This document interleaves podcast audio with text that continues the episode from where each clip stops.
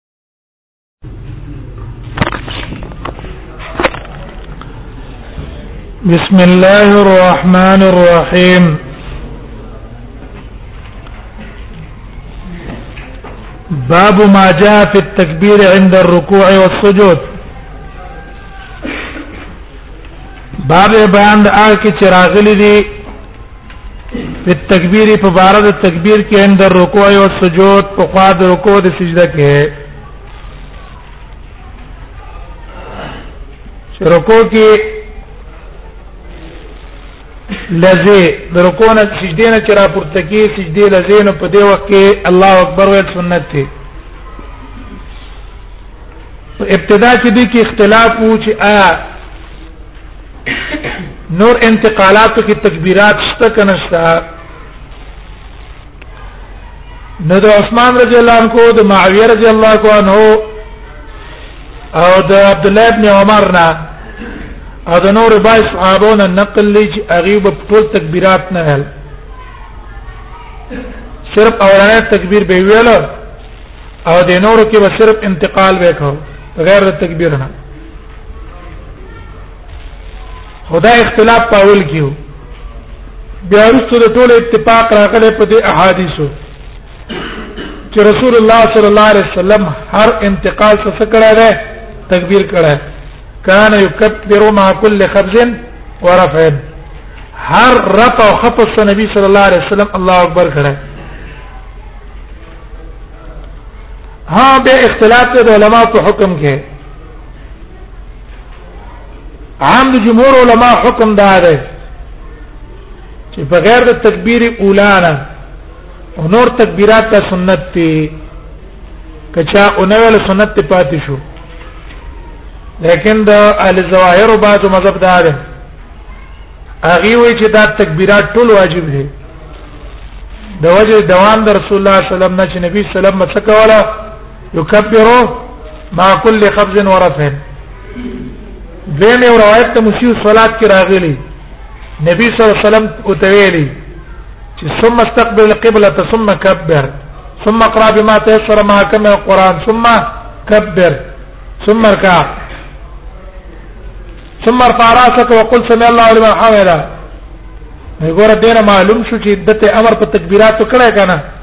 دا امر چې په تکبیر وکړو دلیل څه شو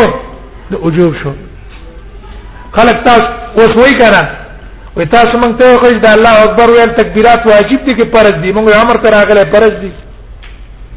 کوم ځای کې حدیث د مسیح صلوات کرال سمع الله لمن حمده وای کتل علی الله اکبر وای دا حکم شو دا څه شو دا امر شو خبره پیښ وای اعتراض کوي کنه اول موږ ته وایي تکبیر واجب ده که سنت ده موږ واجب ده سره واجب ده امر تر هغه امر د څه لپاره د وجوب لپاره تاسو موږ ته قرینه او خو چې هغه ساري په د وجوب نه استحباب ته او دا حدیث د مسیح صلوات په څه شلو دا به دلیل شو دا دلیل لري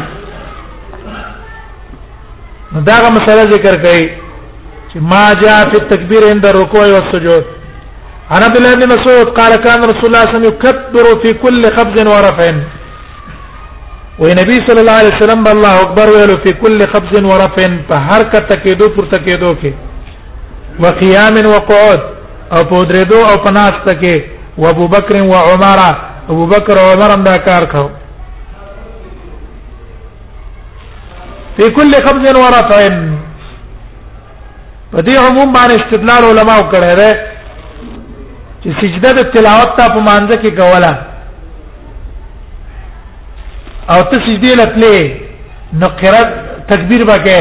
او بیا چې د سجده نه را پورته کېدم تکبیر وکې ولې دا خپل سره پاده کنه دا یکبرو لكل خبز ورفع په دې عموم باندې څه شه ده په دې عموم باندې استدلال نه او که یو تن وایي چې په دې عموماتو دې باندې خصوصي دغه نشته نو ډېر مسائل بنا په څه باندې دي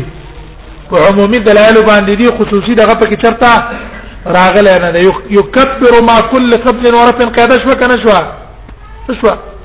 یو قاعده شو شامل شو چاته هر کته کېدو پورته کېدو ته چې پاکه کته کېدل پورته کېدل د سجدې تلاوت هم شو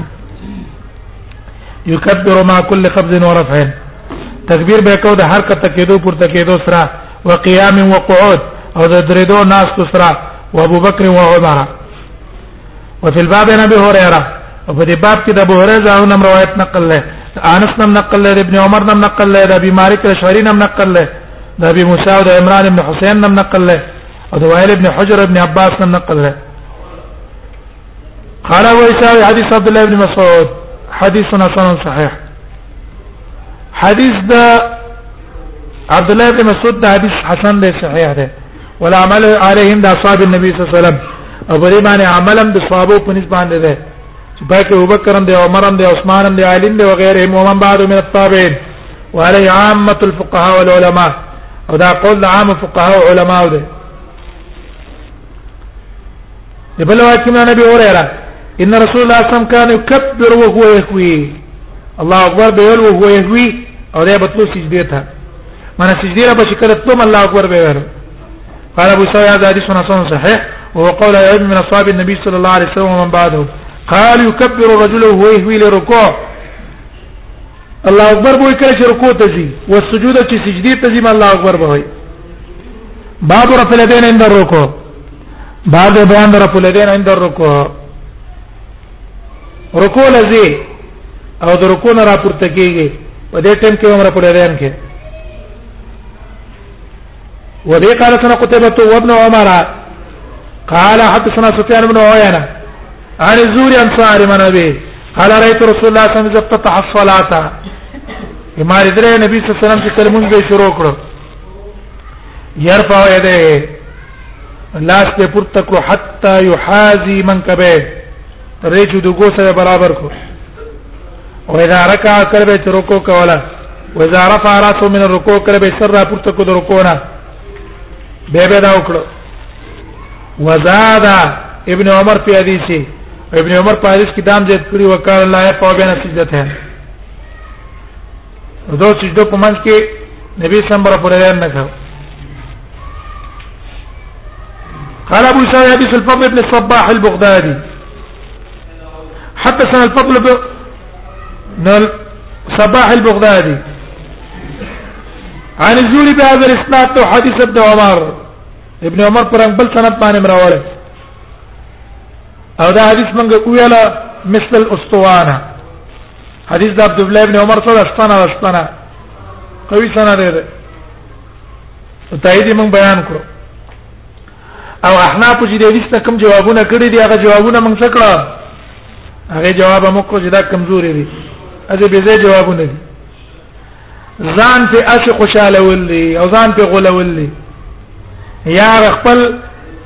کس چې هغه څنګه خبر نه هغه په غول ولي دا څه جواب نه ده جواب بیا که جواب وایي چې ارزه کې چلےږي دا څه جواب وایي چې ارزه کې چلےږي دا نه چې په خپل کور کې جوړ کې او بار ته چروځي بیا که جواب چلےږي نه وفي الباب عن عمر ودي باب کې د عمر نن نقل له ده علي نن نقل له ده والد بن حجر نن نقل له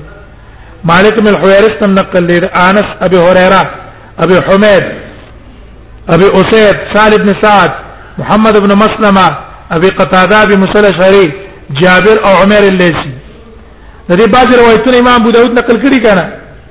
چا نقل کړو امام ابو داود وائل ابن حجر روایت امام ابو داود نقل کو علي نقل کو کنه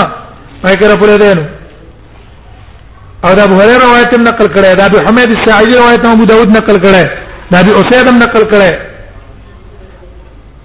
او محمد ابن مسلمه غ روایت هم پکې لري چې پکې وبي مصلى الشريع وجابر وعمر الليث قال ابو سعيد حديث ابن عمر حديث حسن صحيح حديث ابن عمر حديث حسن صحيح ده وبهذا يقول بعض العلم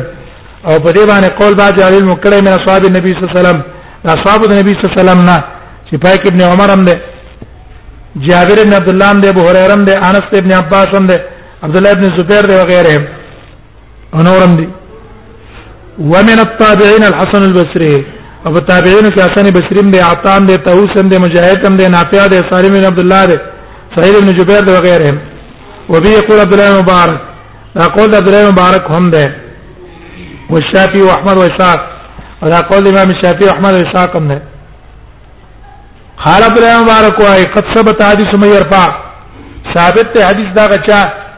اغي ور په لرم وای وذكر حديث الزوري عن سالم عن ابي ابو الزوري حديث عن سالم عن ابي نقل کو او لم يثبت حديث ابن مسعود هذا عبد الله بن مسعود چې کوم روایت ته هغه نه ثابت چې ان النبي صلى الله عليه وسلم لم يرفع الا في اول مره چې نبی صلی الله علیه وسلم ته نه کوم ګر صرف په اول ځل کې هغه روایت صحیح نه ثابت اوس سند راوړي عن سفيان عبد الله بن مبارك عن عبد الله بن مبارك قال قرانات وكي عن سفيان عاصم بن كليب عن عبد الرحمن بن الاسود القمه قال قال عبد الله بن مسعود عبد الله بن مسعود الا اصلي بكم صلاه رسول الله وزتاسو النبي صلى الله عليه وسلم نكوما فصلى فلم يرفع يديه الا في اول مره دغه روایت وی صحیح نه ثابت ها په دې باندې احناف استدلال کړو وفي الباب عن بر ابن عازب بر ابن عازب نم روایت ته امام ابو داود غا نقل کړه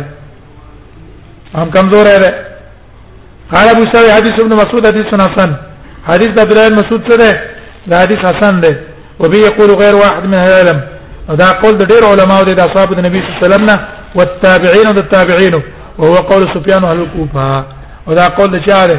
دا د سفيان سوري ده او اهل الكوفه د کوفه والاو ده سفیان ثوری مو چر پر اعلان باندې کې کوپی مولا وچ نه به کې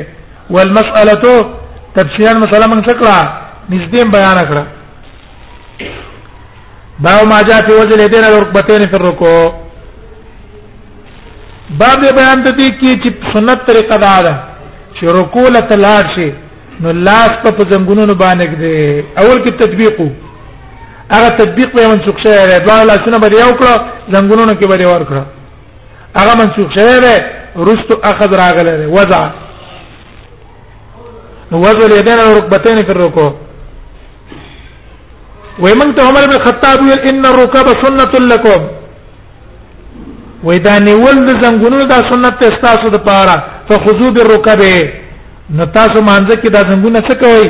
ورکو کې دا زنګون د سینې سه لاس ته بکیری د شو به نشي دا تاسو د پاره سنت ده قال وای وفي الباب عن سعد سعد روایت ده سعد سعد روایت ته چې وې ټیک دا سعد ویل لکه رسته وې قال ابن سعد كنا نفعل ذلك ادم کول خو مونږ ته منه شو عمرنا ان نزول كفل الركب او دا انس روایت هم دی د ابو حمید دی د ابي اسيد دی سال ابن سعد دی او محمد ابن سلمہ دی د ابي مسعود دی ابي مسعود د ټولو کې وزره